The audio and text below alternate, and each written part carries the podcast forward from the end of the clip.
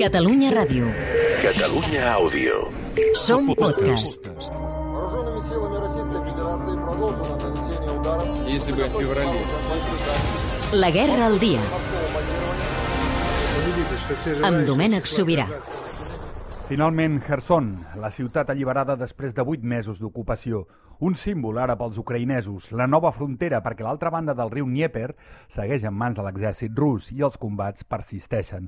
De fet, des de Kherson es poden sentir encara de tant en tant explosions d'artilleria.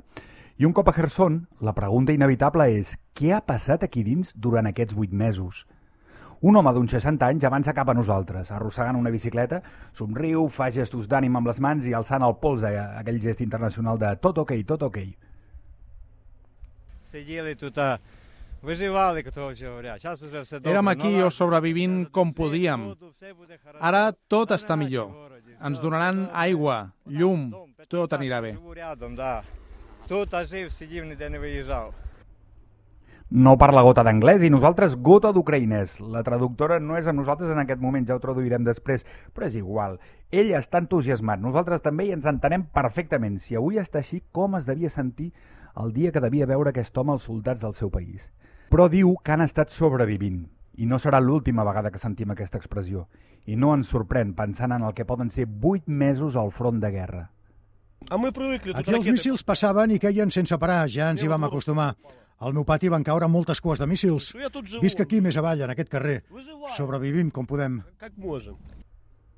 El riu Dnieper sempre ha format part de la vida de la ciutat i de cop s'ha convertit en una frontera. S'han trencat els ponts i l'altra riba és hostil.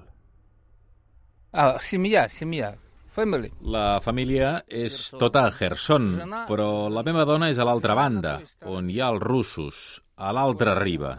És el seu poble natal, amb la seva germana. На том берегу. Se'n va anar per ajudar i ja no va poder tornar. А назад вернуться не может. La veritat, per molt que ens ho expliquin, és difícil fer-se una idea del que han viscut. Perquè quan arribem nosaltres, la guerra ja ha passat. Veiem les restes i les traces dels combats, la destrucció, milers de projectes aturats. però també veiem moviment, incipient, segur, però és que la vida, com deia no sé qui, és molt insistent i sempre torna a revifar. Però també hi ha gent que no vol parlar amb nosaltres, és veritat. Mirades que veiem clarament que ens eviten. D'entrada també podríem pensar que tot això és una mica de circ. Hem entrat en un comboi de periodistes organitzat pel Ministeri de l'Interior que ens ensenya la part que han triat ells del que ha passat aquí. Però també penses que al darrere d'aquestes mirades esquives hi pot haver cicatrius, absències i vides, ja no la de la ciutat, la de les persones, molt més difícils de reconstituir. Potser no amb aquestes paraules, però ho acabes pensant quan sents el que t'explica algú com en Maxim. Били струмом, ну, перелічувати усі безпосередньо заходи я зараз не Van буду. fer servir electricitat, però no vull comentar tots els mètodes per respecte als que continuen empresonats en altres llocs perquè els van traslladar d'aquí. els últims mesos van ser un horror i podeu preguntar als treballadors de la botiga del costat o als veïns el que passava a les 24 hores i els crits que se sentien. En Maxim és un excombatent de la guerra del 2014. El van agafar un dia, els soldats russos, li van posar una caputxa al cap i se'l van endur. Li van treure tot el que duia a sobre i el van tancar en una habitació convertida en cel·la d'un edifici on hi havia més gent en la mateixa situació. No tenien ni idea d'on era ni de què volien.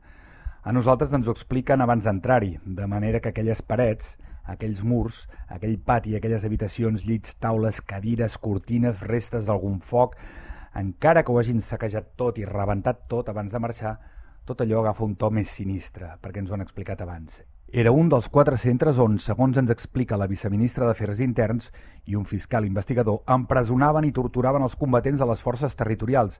Vaja, civils convertits en soldats de la nit al dia l'hivern passat, i també a qualsevol sospitós de col·laborar amb l'exèrcit ucraïnès.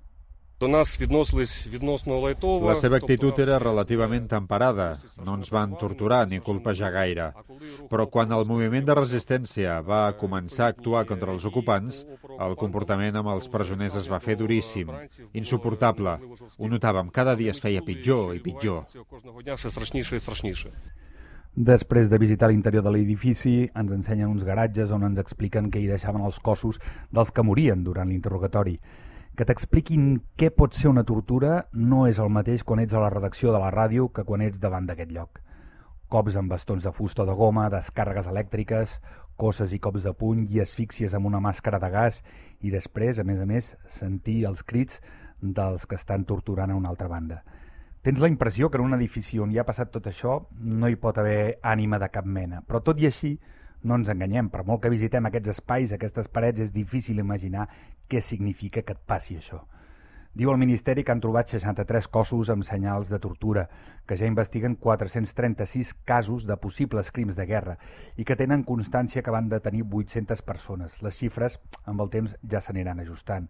Però de tot això afegeix-hi els desapareguts, que ja en parlarem un altre dia, i el que puguin trobar encara cada vegada que excavin allà on es nota que s'hi ha fet un enterrament recent.